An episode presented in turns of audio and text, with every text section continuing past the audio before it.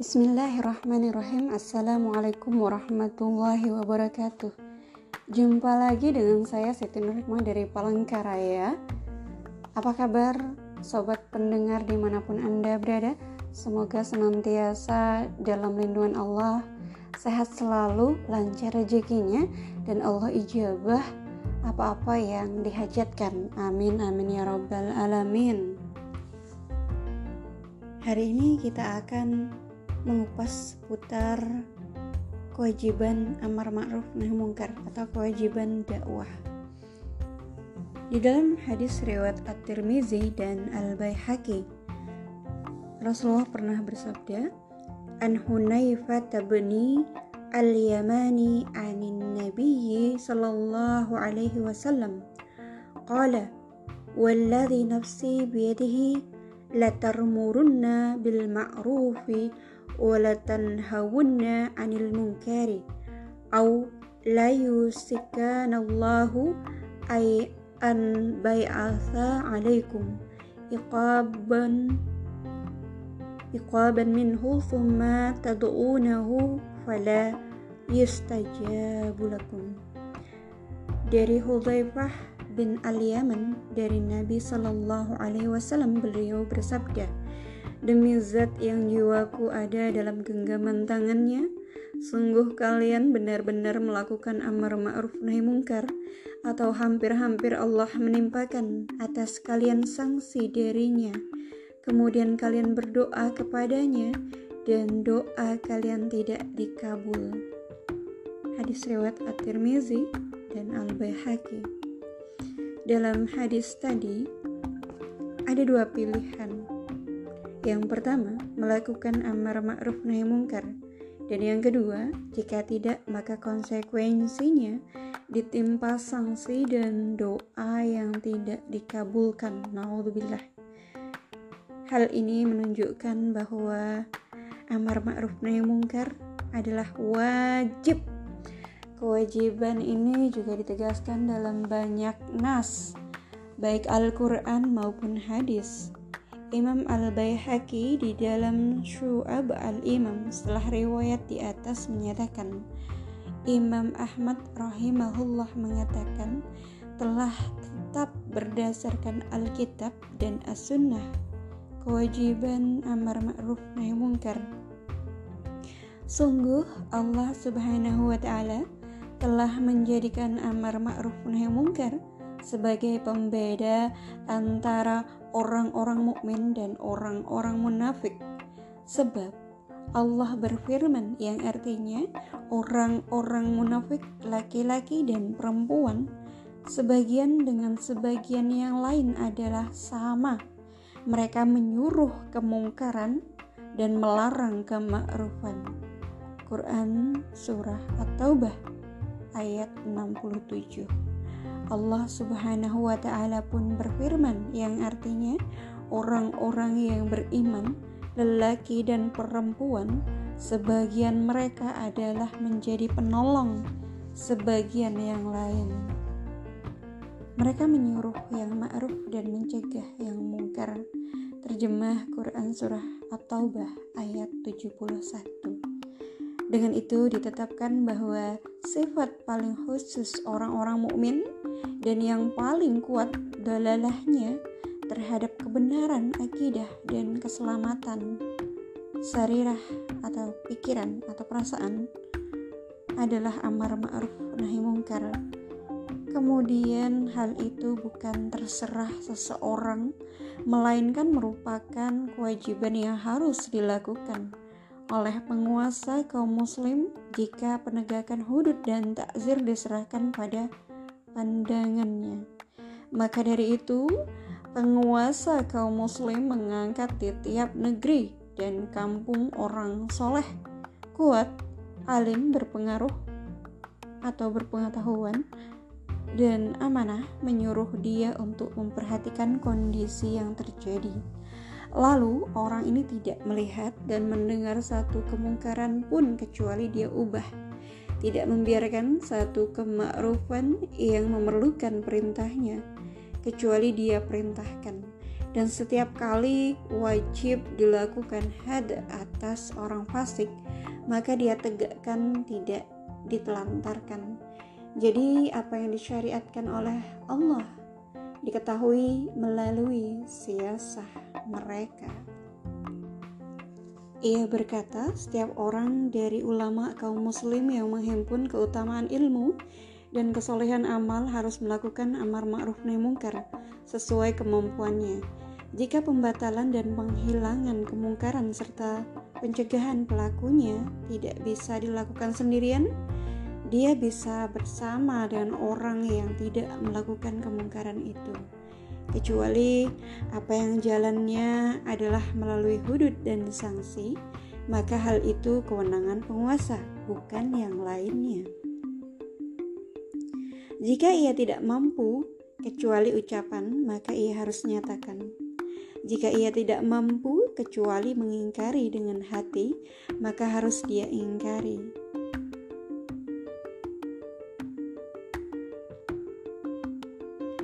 Amar ma'ruf itu semisal nahi mungkar. Jika dia mendengar orang alim yang muslih tidak menyeru dan memerintahkannya, dia melakukannya. Jika ia tidak mampu kecuali dengan kata-kata, maka ia katakan. Jika ia tidak mampu kecuali berkeinginan dengan hatinya, maka ia inginkan dalam hatinya dan berharap kepada Allah Azza wa Jalla. Mudah-mudahan Allah memaafkan dirinya dengan itu.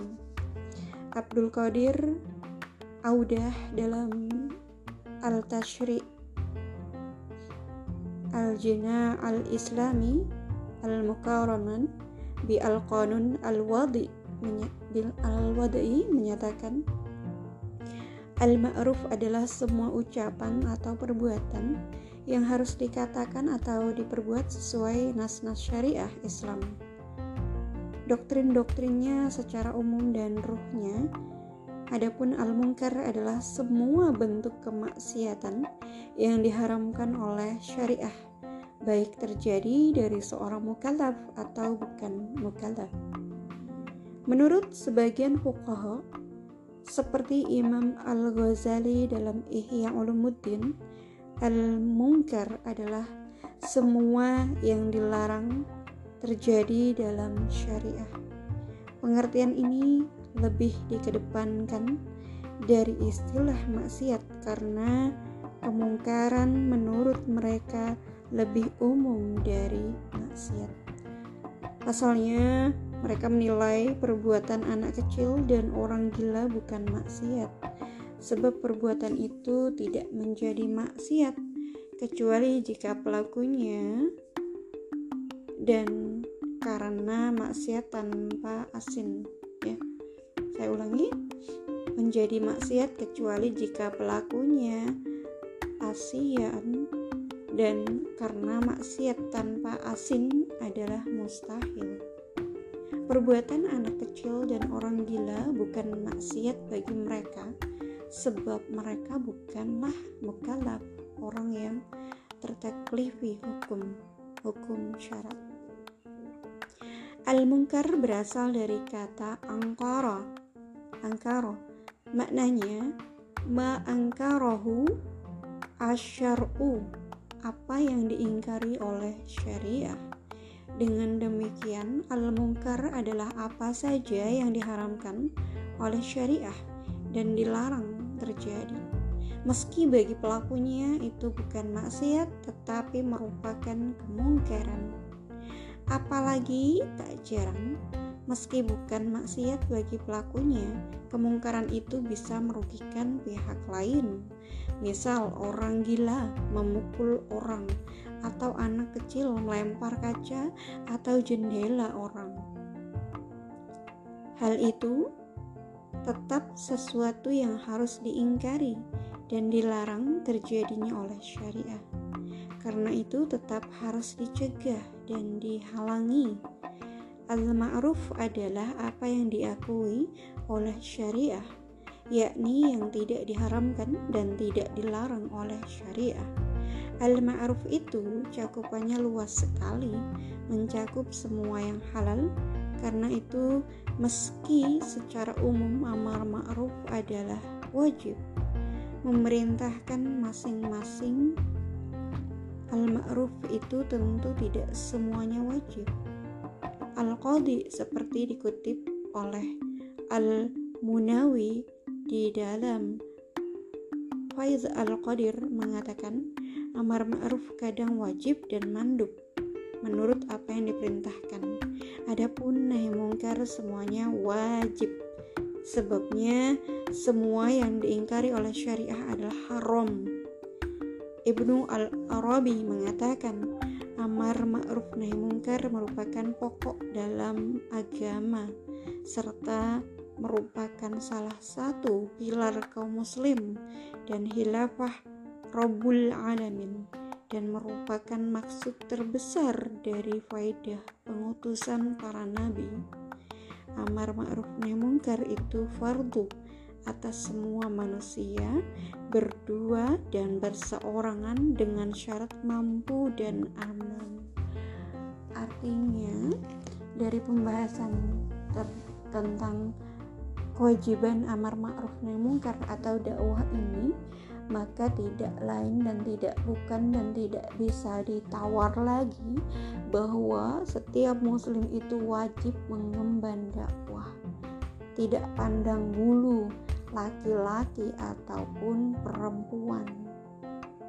Apa pun profesinya. Dari mana saja ia berasal dan di mana pun ia tinggal dia tetap mengemban dakwah karena itu adalah wajib tanpa pandang suku, bahasa, ataupun dari sisi kekayaannya sekalipun. Sehingga tidak ada istilah saya saya kan bukan ulama, jadi tidak wajib berdakwah dong. Itu keliru.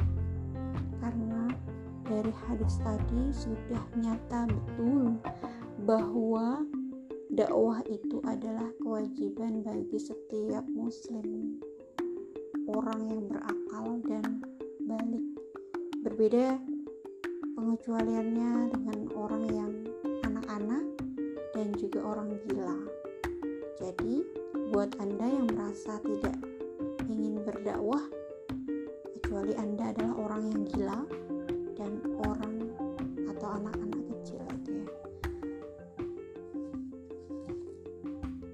demikian obrolan kita tentang kewajiban amar ma'ruf nahi mungkar atau kewajiban dakwah semoga bermanfaat dan kita tersadar bahwa dakwah itu adalah wajib sehingga jika kita tinggalkan mendapat dosa dan saat kita lakukan mendapat pahala. Salah hilap saya mohon maaf. Saya Siti Nurikmah dari Palangkaraya mohon undur diri dari ruang dengar Anda. Salam cerdas, tetap semangat bersegera raih ampunan Allah. Belajar taat setiap saat, why not? Wassalamualaikum warahmatullahi wabarakatuh. Illa.